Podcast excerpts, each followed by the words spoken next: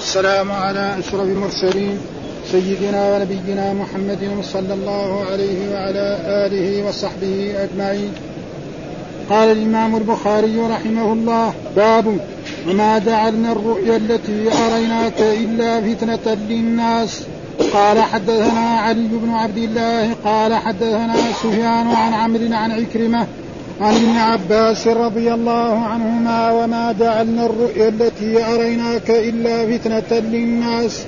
قال هي رؤيا عين يريها رسول الله صلى الله عليه وسلم ليلة أسري به والشجرة الملعونة في القرآن. قال شجرة الزقوم باب إن قرآن الفجر كان مشهودا. قال مجاهد صلاة الفجر. قال حدثني عبد الله بن محمد قال حدثنا عبد الرزاق قال أخبرنا معمر عن الزهري عن أبي سلمة وابن المسيب عن أبي هريرة رضي الله عنه عن النبي صلى الله عليه وسلم قال فضل صلاة الجمع على صلاة الواحد خمس وعشرون درجة وتجتمع ملائكة الليل وملائكة النهار في صلاة الصبح. يقول أبو هريرة اقرأوا إن شئتم. وقرآن الفجر إن قرآن الفجر كان مشهودا. باب عسى أن يبعثك ربك مقاما محمودا. قال حدثنا إسماعيل بن أبان قال حدثنا أبو الأحوص عن آدم عن آدم بن علي قال سمعت ابن عمر رضي الله عنهما يقول إن الناس يصيرون يوم القيامة جثا كل أمة تتبع نبيها يقولون يا فلان اشفع حتى تنتهي الشفاعة إلى النبي صلى الله عليه وسلم. فذلك يوم يبعثه الله المقام المحمود. قال حدثنا علي بن عياش قال حدثنا شعيب بن أبي حمزة عن محمد بن المنكدر عن جابر بن عبد الله رضي الله عنهما أن رسول الله صلى الله عليه وسلم قال من قال حين يسمع النداء اللهم رب هذه الدعوة التامة والصلاة القائمة آت محمدا الوسيلة والفضيلة. وابعثه مقاما محمودا الذي وعدته حلت له شفاعتي يوم القيامة. رواه حمزة بن عبد الله عن أبيه عن النبي صلى الله عليه وسلم. باب باب وقل جاء الحق وزهق الباطل إن الباطل كان زهوقا. يزهق يهلك قال حدثنا الحميدي قال حدثنا سفيان عن ابن أبي نجيح عن مجاهد عن أبي معمر عن عبد الله بن مسعود رضي الله عنه قال دخل النبي صلى الله عليه وسلم مكة وحول البيت ستون وثلاثمائة نصب فجعل يطعنها بعود في يده ويقول جاء الحق وزهق الباطل إن الباطل كان زهوقا. جاء الحق وما يبدئ الباطل وما يعيد.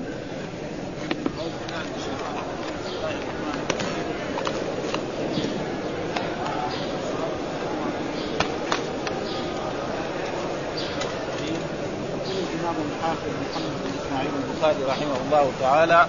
باب باب وما جعلنا الرؤيا التي أريناك إلا فتنة للناس. في هذه الآية يعني شرح هذه الآية لأن نحن نقرأ في كتاب التفسير من صحيح البخاري ويقول باب وما جعلنا الرؤيا التي أريناك إلا فتنة للناس. الرؤيا نعم بالتاء المربوطة يعني في رؤيا وفي رؤية. ها يقول في الرؤيا التي هي بالتاء المربوطة قل استعمالها في المنام الرؤيا. ولكن قد تستعمل. والرؤيا تستعمل في في في في الرؤيا البصرية. فلذلك يقول هنا الرؤيا استعمالها في المنام الرؤيا يكثر استعمالها في المنام. يقول هنا وما وما أري ليلة الإسراء من العجائب، إيش الرؤيا؟ في اي يعني يعني ما هي منامية، إنما ليلة الإسراء، ومعلوم أن الرسول صلوات الله وسلامه عليه نعم أسري به من مكة إلى بيت المقدس، ثم عرج به من بيت المقدس إلى السماء السابعة ثم عاد من ليلته إلى مكة، حتى أن بعض يقول أن فراش الرسول صلوات الله وسلامه عليه كأنه ذهب لقضاء الحاجة بول أو غائط ويرجع يكون المكان دافئ ها؟ فهذا فلأجل ذلك كان فتنة للناس. بعض الناس ارتد عن الإسلام. قال نحن نروح شهر ونعود شهرا. أنت تروح في ليلة وترجع. ها؟ ارتد. فلذلك هذا الفتنة. ها؟ هذه هي الفتنة. وما جعلنا. فلذلك بعض الناس ارتدوا عن الإسلام. ورجل قابل ابا بكر الصديق رضي الله تعالى عنه وقال له إن صاحبك يقول انه البارح ذهب إلى بيت المقدس وعاد إلى مكة. قال نعم إذا قال صادق. أنا صدقت بما هو أعظم من ذلك. ولاجل ذلك القرآن قال سبحان الذي اسرى بعبده ليلا من المسجد الحرام إلى المسجد الأقصى الذي باركنا حوله لنريه من آياتنا إنه سمع لنريه من آيات. فرأى الجنة ورأى النار ورأى آكلة الربا ورأى الزنات ورأى أشياء كثيرة. نعم فلاجل ذلك فهذا معناه يقول الرؤيا في استعمالها في المنام والرؤيا يكثر استعمالها في المنام. يعني الرؤيا في, في الرؤيا البصرية. والرؤيا يكثر استعمالها ويجوز استعمال كل واحد منها في المعنيين قوله إلا فتنة إلا بلاء للناس وهو أن بعض من الناس ارتد عن الإسلام لما سمع أن الرسول صلوات الله وسلامه عليه ذهب في ليلة نعم من بيت الم... من مكة إلى بيت المقدس ثم أعرج به إلى السماء ثم عاد من ليلة ها فلأجل ذلك إيش الدليل؟ قال حدثنا علي بن عبد الله نعم حدثنا سفيان عن عمرو عن عكرمة عن ابن عباس رضي الله تعالى عنهما قال وما جعلنا الرؤيا التي أريناك إلا فتنة للناس. قال هي رؤيا عين ما هي رؤيا مناميه ها لأن في رؤيا مناميه مثلا إني أرى سبع بقرات سمان يأكلهن سبع عجاف وسبع سنبلات. هذه رؤيا إيه؟ مناميه نعم وكذلك إني أراني أحمل فوق رأسي خبزا تأكل الطير منه. معناه إيه؟ رؤيا مناميه والرسول والصحابة كانوا يروا رؤيا ويجوا يحدثون يخبر الرسول فالرسول يؤولها لهم. ولذلك هنا الرؤيا رؤيا عين. الرسول رأى الجنة ورأى النار ورأى ما يعذب به بعض المشركين ونعيم بعض المؤمنين حتى رأى قصرا لعمر بن الخطاب رضي الله تعالى عنه إلى غير ذلك. فلذلك هذه أشياء يجب الإيمان بها. قال رؤيا عين. ما هي رؤيا؟ من مع أن رؤيا رؤيا الرسول المناميه حق. إذا رأى شيء في المنام مثل إبراهيم عليه. إني أرى في المنام أني أذبحك فانظر ماذا ترى. قال يا ابت افعل ما تؤمر ستجدني إن شاء الله من الصالحين هي رؤى مناميه ولكن طبقها إبراهيم. أراد يطبقها بالفعل.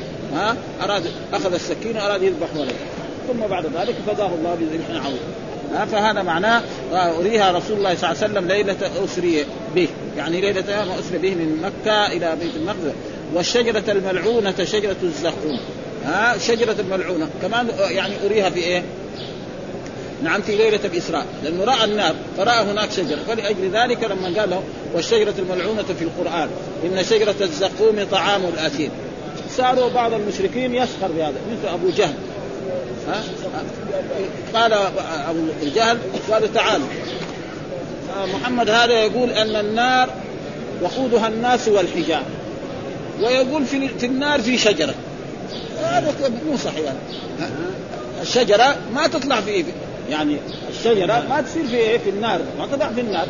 فيقول شجرة الزقوم يعني صار يسخر بهذا. وقال لهم مرة قال لهم تعرفوا إيش الزقوم؟ يعني نجيب تمر وزبدة. اخلط ده مع ده ناكل هذا هو شنو؟ كل هذا إيه سخرية واستهزاء. ولأجل ذلك مات مشركا كافرا ها؟ فهذا معناه والشجرة الملعونة في القرآن. إيش هي الشجرة الملعونة؟ رآها الرسول صلى الله عليه وسلم ليلة ما أسري به ولأنه رأى الجنة ورأى النار ورأى الشجرة الملعونة. إيش هي؟ قال الزقوم ها؟ مثل ما قال في سورة أخرى في سورة الدخان إن شجرة الزقوم لطعام الأثيم كالمهل يغلي في البطون كغلي الحميم خذوه فاعتلوه إلى سواء الجحيم ثم صبوا فوق رأسه من عذاب الحميم. فهم صاروا يسخروا من هذا ولأجل ذلك الله رد عليهم ونقرأ يعني شيء من إيه؟ من هذه الآية قال في هذا الحديث وليست رؤيا منام أريها بضم الهمزة وك يعني مبني المجهول. والشجرة الملعونة بالنصب عطفا على الرؤيا. رأى يعني آآ آآ رؤيا عين ورأى الشجرة الملعونة في القرآن. بالنصب عطفا على الرؤيا تقدير وما جعلنا الرؤيا التي أريناك والشجرة الملعونة إلا فتنة للناس. وكانت فتنتهم في الرؤيا أن جماعة ارتدوا وقالوا كيف يسرى به إلى بيت المقدس؟ في ليلة واحدة وقيل رأى رسول الله صلى الله عليه وسلم بنو أمية ينزون على منبره ها؟ ينزون على نزو القردة. فساء فساءه ذلك فما استجمع ضاحكا حتى مات. فأنزل الله تعالى وما جعلنا الرؤيا التي أريناك إلا فتنة للناس والشيرة الملعون. وأن أبا جهل عليه لعنة الله قال لما نزلت هذه الآية آه الآية ليس من من كذب ابن أبي كبشة لأنه كان يكلم الرسول ابن أبي كبشة. ها؟ ما يقول محمد ولا يقول رسول الله لأنهم كفار. نعم.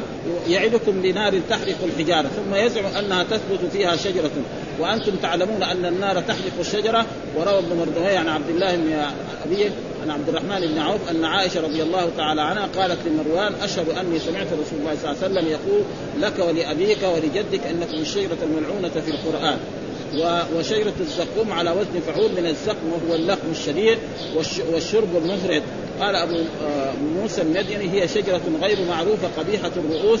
وقال ثعلب الزقوم كل طعام يقتل والزقمة الطاعون وفي غرر التبيان هي شجرة القشود تلتوي على الشجرة فتجحفه.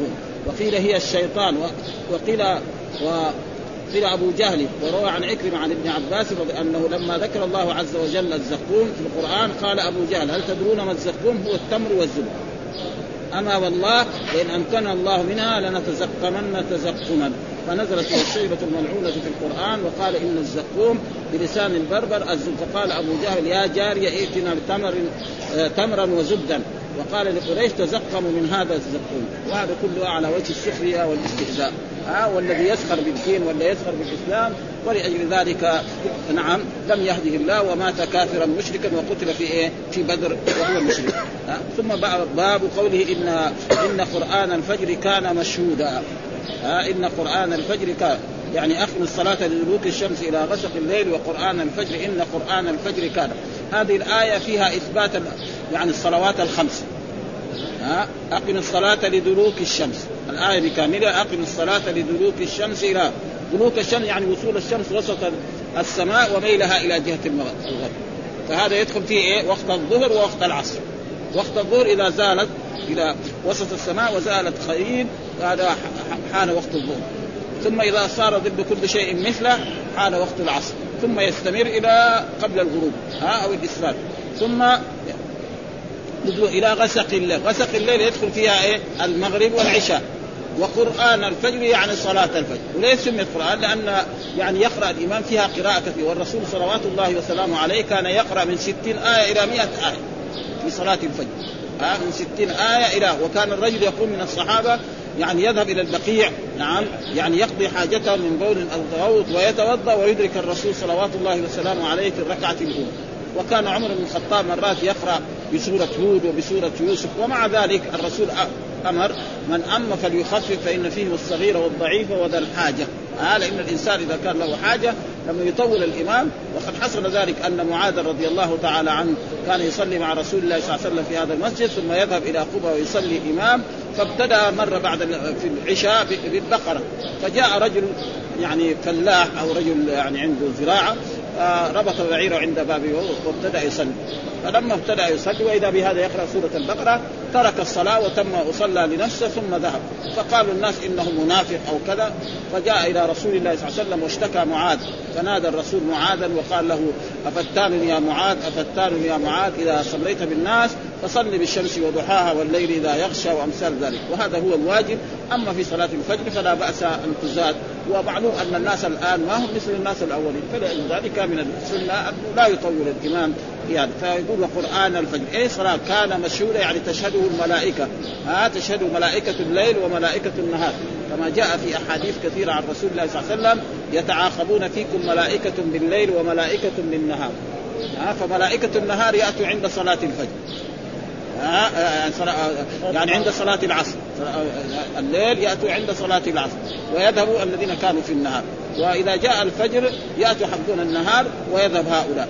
فإذا عادوا إلى الرب يسألهم الرب وهو عاد كيف تركتم عبادي؟ يقول ترك جئناهم يصلون وتركناهم يصلون. هذا الناس الطيبين المؤمنين. وناس آخرين لما يصلوا يقول جئناهم لاهون وتركناهم. ها؟ جئناهم وهم لاهون وتركناهم لاهون ولأجل ذلك قال القرآن إنه كان مشهودا يتعاقبون فيكم ملائكة بالليل وملائكة بالنهار. فلأجل ذلك يسمى هذا. إن إن قرآن الفجر وسمي القرآن يعني في صلاة. القرآن هنا بمعنى صلاة الفجر كان مشهودا تشهدهم قال مجاهد. ها هذا تفسير من قرآن. صلاة الفجر. يعني إيش معنى قرآن الفجر؟ صلاة. فإذا فسر عبد آه، مجاهد. مجاهد تلميذ عبد الله بن عباس. خلاص ها؟ ما في حاجة ها؟ يعني لأنه مرات صلاة ها؟ فيقول قرآن هو على كل حال ليه سميت؟ لانها يقرأ فيها قراءة أكثر من غيرها، ها؟ في الصلوات الثانية قراءة تكون أقل. فلأجل ذلك سميت نعم وقرآن الفجر. إن قرآن الفجر إن صلاة الفجر كان مشهور، إن صلاة كان تشهده ملائكه الليل وملائكة النهار هذول يأتون يعني في في الفجر. وهذول يذهبون نعم في الليل إلى الرب ويسألهم رب كيف تركتم عبادي؟ يقول جئناهم يصلون وتركناهم والحديث صحيح يتعاقبون فيكم ملائكة بالليل وملائكة بالنهار وهذا يتعاقبون فيكم عشان من جهة اللغة العربية. كان هو القاعدة العلمية يتعاقب فيكم ملائكة بالليل وملائكة بالنهار.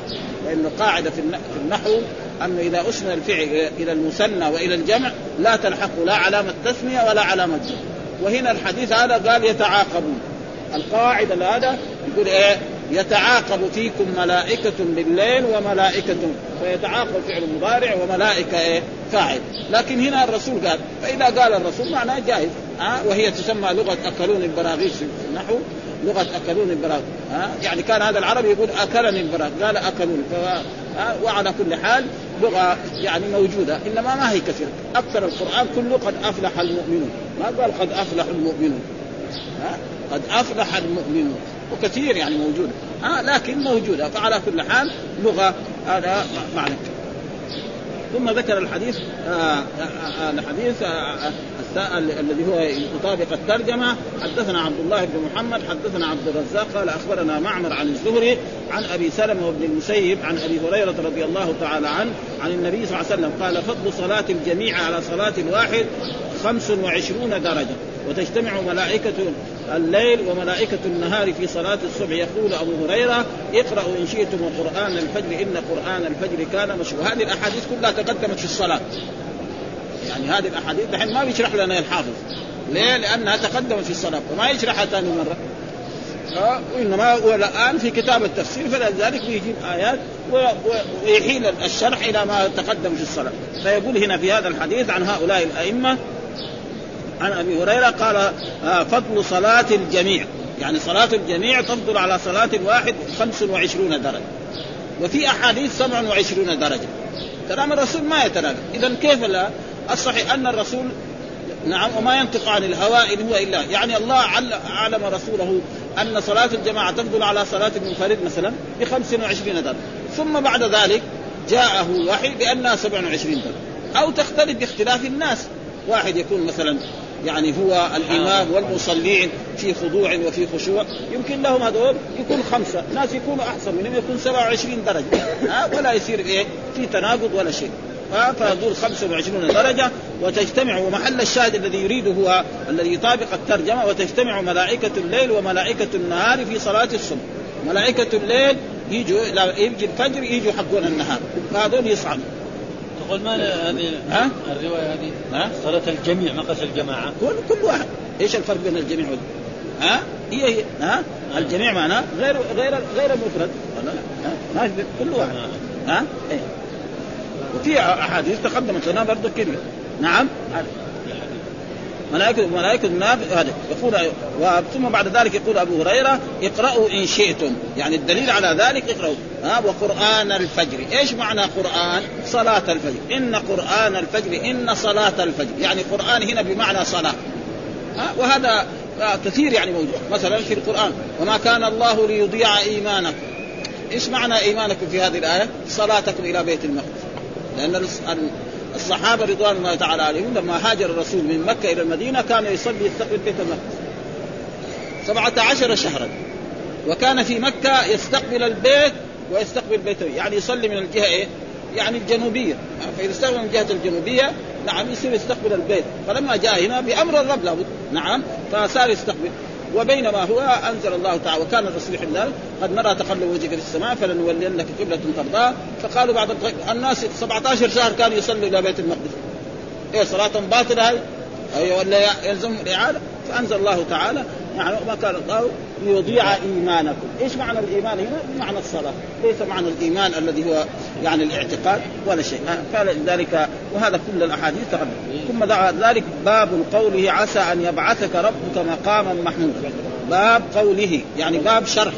قول الله تعالى عسى أن يبعثك ربك مقام ونحن عسى هي في اللغة العربية فعل ترجي. ها يرفع المبتدأ وينصب الخبر. ها من أخوات كاد وأخواته. ها ترفع المبتدا وتنصب بس لها حكم خاص فيها وهو ان أن كاد وأخواتها خبرها لا يكون إلا جملة فعلية.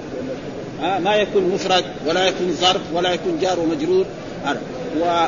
وأن لها أحكام خاصة وعسى من الرب سبحانه وتعالى واجب أما لما أنا أقول مثلا عسى محمد ينجح.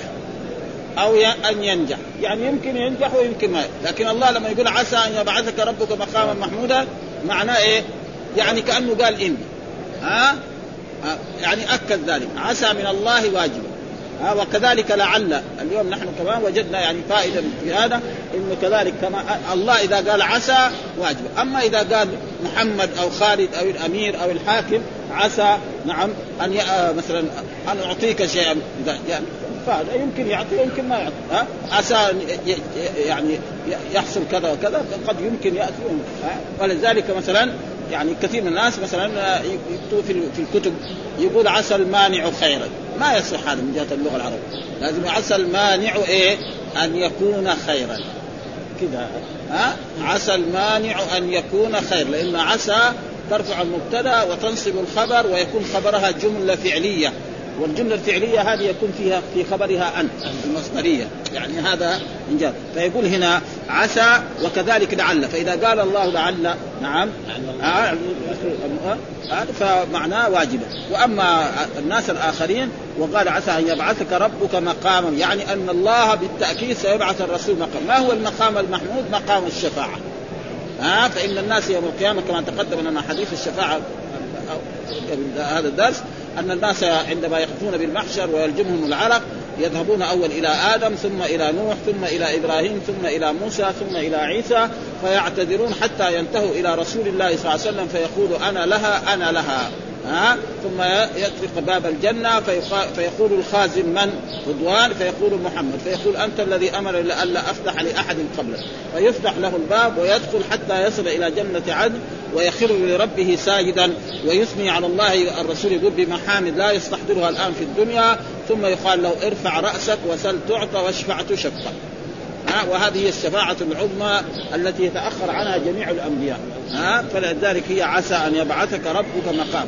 وقد أمرنا الرسول صلى الله عليه وسلم أن الإنسان إذا سمع المؤذن فيقول مثل ما يقول ثم إذا انتهى نعم يقول بالدعاء الذي هو اللهم آت محمد الوسيلة والفضيلة إلى آخره فإن الله حلت له شفاعته وأتى بهذا الحديث في هذا الباب. هذا معناه عسى أن يبعثك ربك. يقول في هذا الباب عسى أن يبعثك الآية.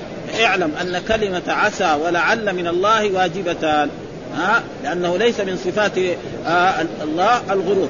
أما محمد يقول عسى أن أعطيك كذا. يمكن يعطي يمكن ما يعطي.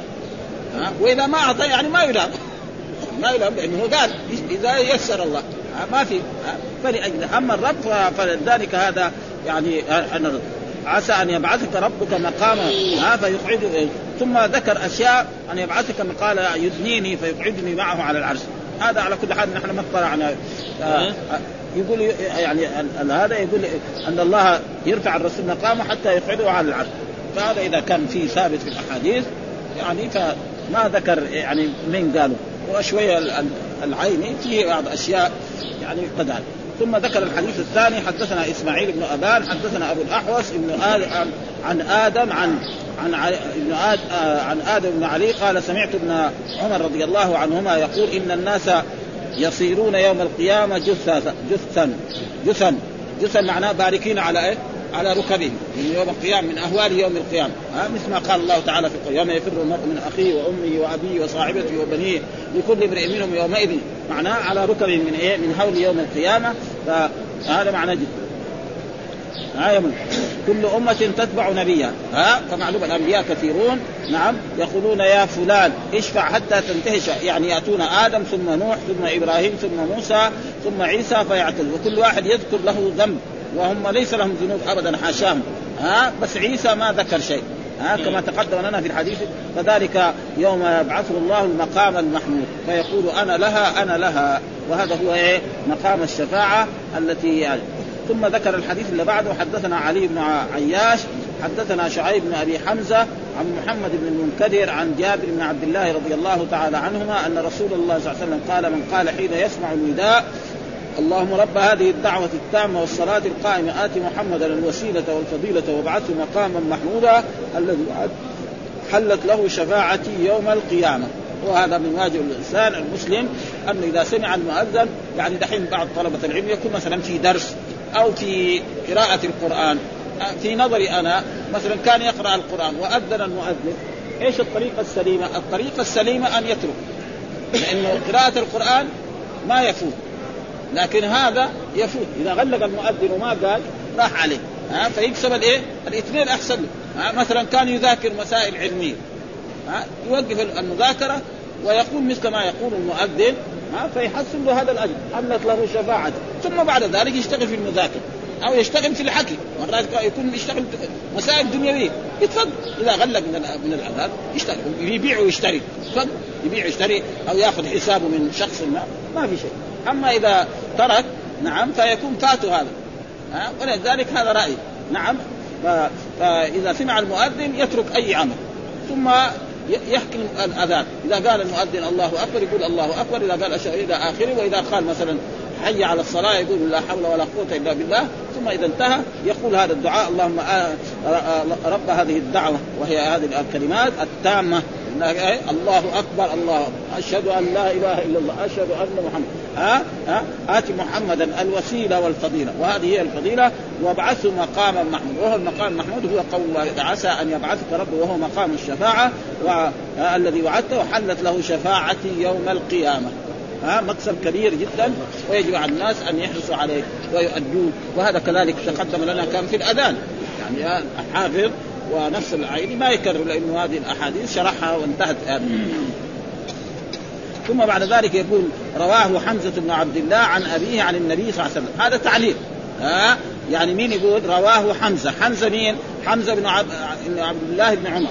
لأنه عبد الله بن عمر له أولاد. له عاصم وله ولا أخوان هذول أبناء عمر. نعم له أبناء ومن جملتهم حمزة. فحمزة هذا عن عبد الله نعم عبد الله بن عمر عن أبيه عن النبي صلى الله عليه وسلم. ها؟ فتعديل.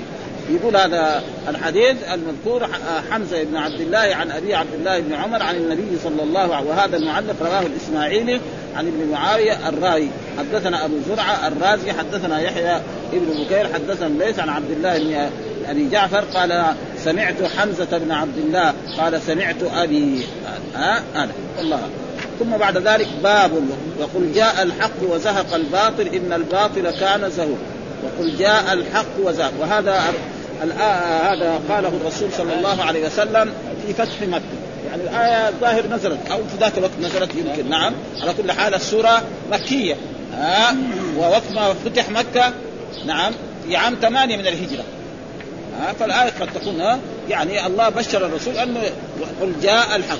باب قل أيها النبي جاء الحق وزاق وكان الرسول صلوات لما دخل مكة وجد حول الكعبة 360 صنم ها وكان الرسول معه عود فكان ينقصها فتتساقط كلها على الأرض ها وأزيل جميع الأصنام وأصبحت مكة بلاد إسلامية نعم إلى يوم القيامة إن شاء الله وهذا يقول جاء الحق وزهق الباطل جاء الحق يعني الإسلام ها بعد ما كانوا يعادوا الإسلام نعم الآن 13 سنة أول في مكة وكذلك دحين ثمانية سنوات ها فصار يعني فوق مع ذلك ربنا نصر الرسول وأيده ثم لما فعل ذلك الرسول نعم قال لهم ما ظنكم أني فاعل بكم؟ قالوا أخ كريم وابن أخ كريم.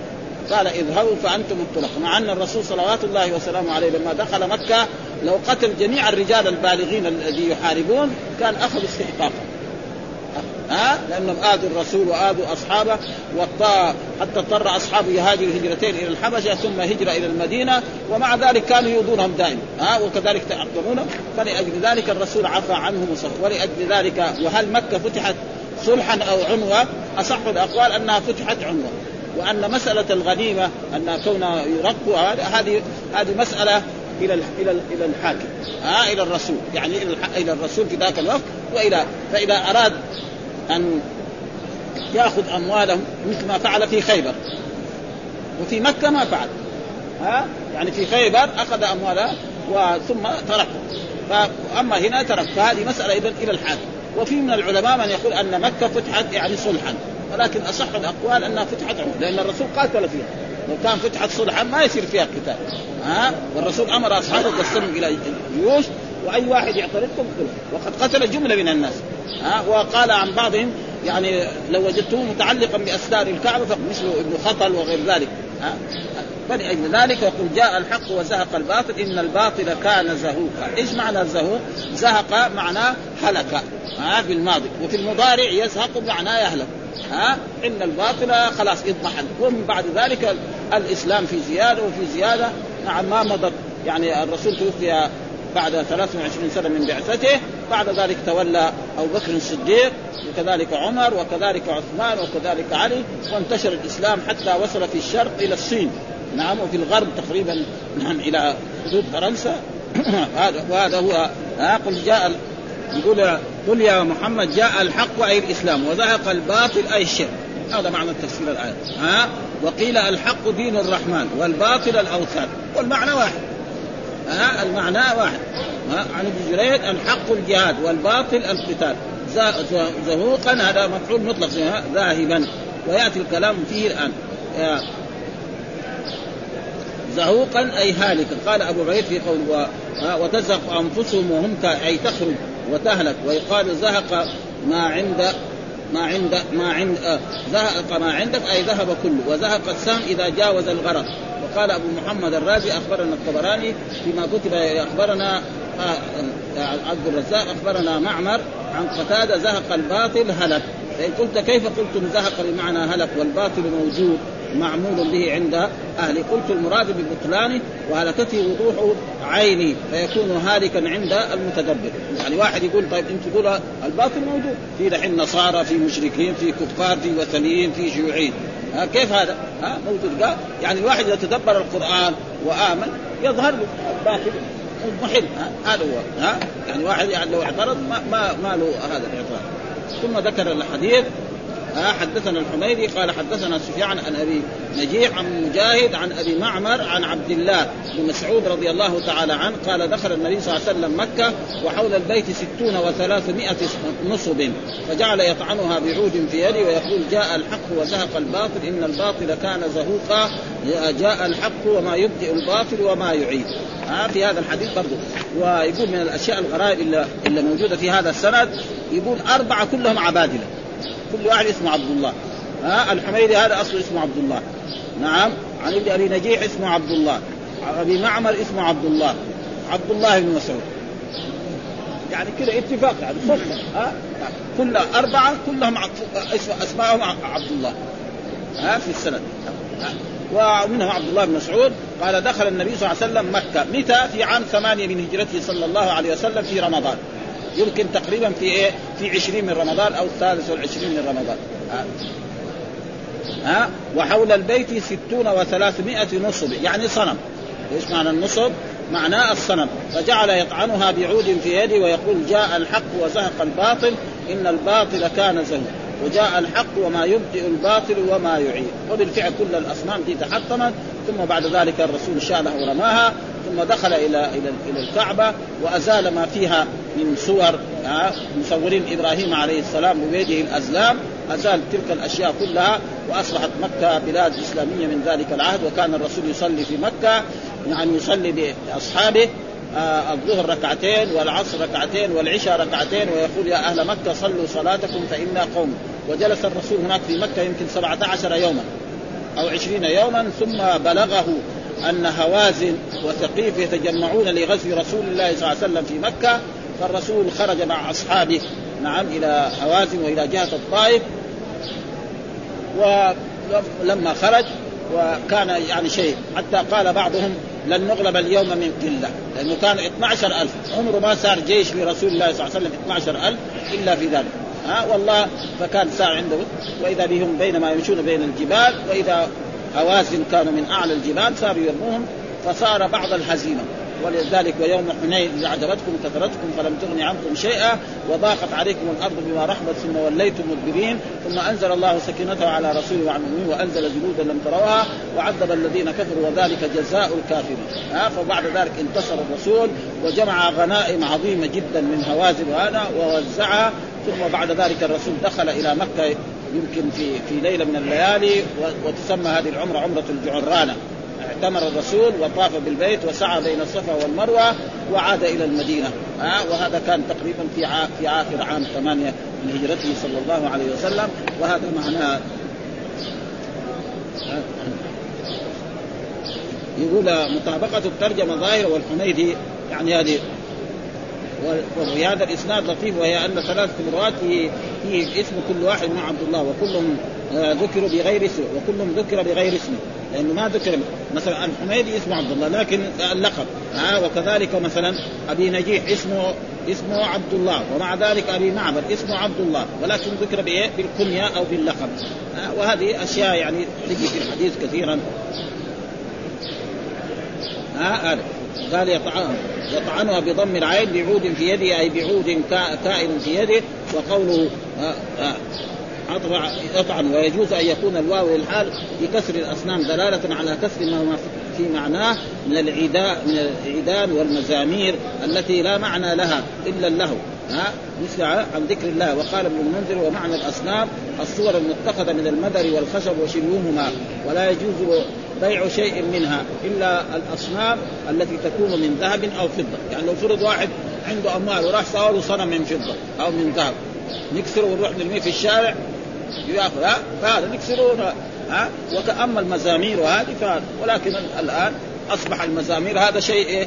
مهم. يعني فن من الفنون ها؟ اسمه فن وأنه يعني الواحد يحصل شيء من الدنيا شيء كثير ها؟ سمي فنا وأنه لو ولده صار كذلك يعني يمكن يسره ذلك. أما الناس الأولين ويكفي بذلك يعني القرآن يقول ومن الناس من يشتري له والحديث ليضل عن سبيل الله بغير علم. يعني لما نيجي نفسر القرآن فسر العلماء المتقدمون أن ومن الناس من يشتري له يعني يعني الله هذا يعني يشتري له جارية عشان تغني له.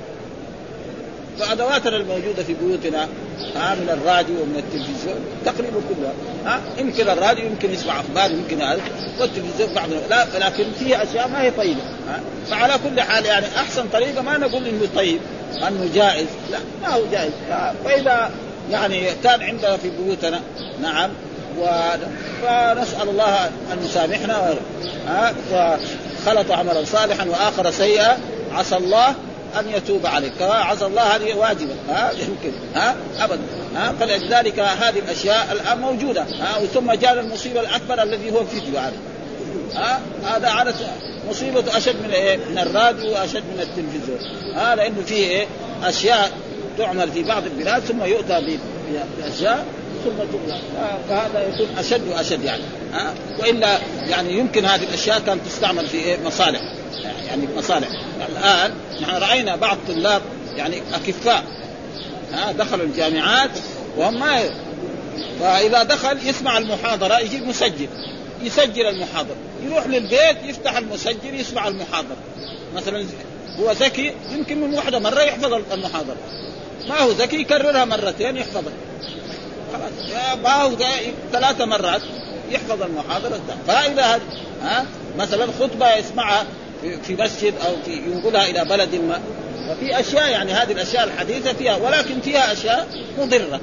فلو كان نحن استعملنا الأشياء المضرة. دحين الآلة الإلكترونية هذه اللي اخترعوها يمكن فيها فوائد عظيمة جدا. نحن ما عندنا خبر عنها وفكرة عنها تمام. قد يكون فيها فوائد عظيمة لأن الآن يقول لك تعطي له معلومات بعدين تساله يقول لك عنها. خلاص. ها؟ تعطي له مثلا أحاديث تملي له 100 حديث بعد أيام تسأله. الحديث الفلاني يقرأ لك هو. كناية يعني شيء جمال. ويخلق ما لا تعلمون هذا ها؟ ويخلق ما لا تعلمون ها؟ وهذا هذا الراديو وهذه يعني الهاتف. انت في المدينة تستطيع تكلم شخص في آخر المشرق أو في أقل من ثلاثة دقائق. هذه كلها في فوائد عظيمة جدا. ولأجل ذلك في هذا يقول ثم بعد ذلك قال باب يسألونك عن الروح. ها يسألونك عن الروح. وهذا الباب طول فيه شوية ونحن قد تقدم لنا في أحاديث أن أن قريش يعني لما بعث الرسول بمكة ودعاهم إلى عبادة الله ونهاهم عن الشرك وحذرهم وأمرهم بطاعته وطاعة بطاعة الله وطاعة رسوله آه، قالوا عنه ساحر وكذاب ومجنون وغير ذلك وقالوا يعني انتظروا به ريب المنون إلى غير ذلك. ثم بعضهم قال لبعض أنتم اذهبوا إلى اليهود بالمدينة واسالوه عن محمد. ها؟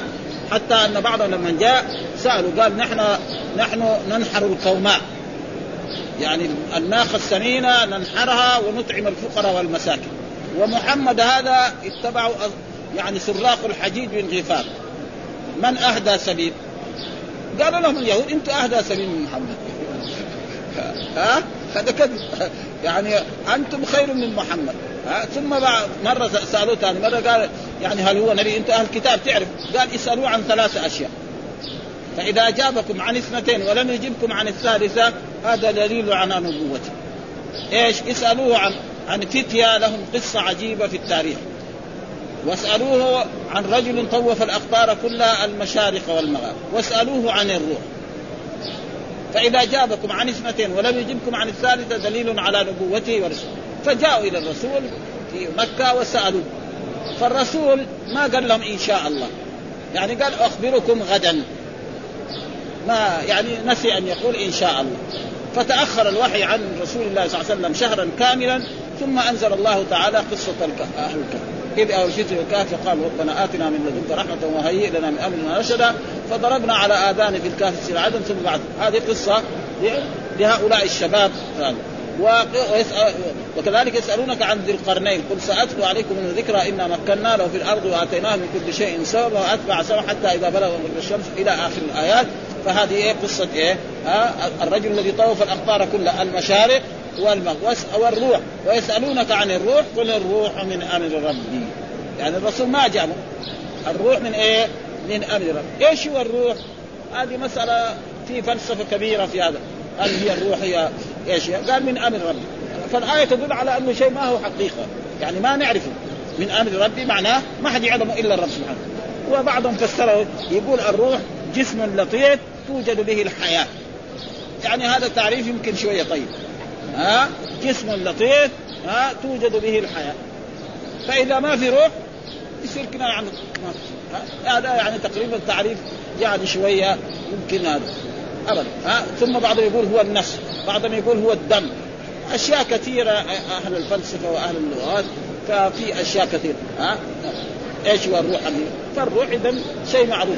والروح لها علاقة بالإنسان. الله يتوفى الأنفس حين موتها والتي لم تمت في منامها. فلأجل ذلك يسألونك عن الروح. قل الروح من أمر ربي وما أوتيت من العلم إلا قليلا. ها فكان هذا وأحسن يعني تعريف هي هو هذا قال بقى يسالونك عن الروح. قال الزمخشري الأكثر على أن الذي سألوه عنه هو حقيقة الروح. فاخبر آه. وأخبر عنه من أمر الله أي من استأثر بعلمه وعن أبي بريدة ما, ما آه آه عن بريدة مضى صلى الله عليه وسلم وما يعلم الروح. يعني مات وعن ابن عباس قال اليهود النبي أخبرنا عن الروح كيف يعذب؟ وإنما هي من الله ولم يكن نزل عليه فيه شيء. فلم يحر إليهم جواب يعني ما جاوب. فجاء جبريل عليه السلام بهذه الآية وقال الأشعري هي النفس الداخل من الخارج.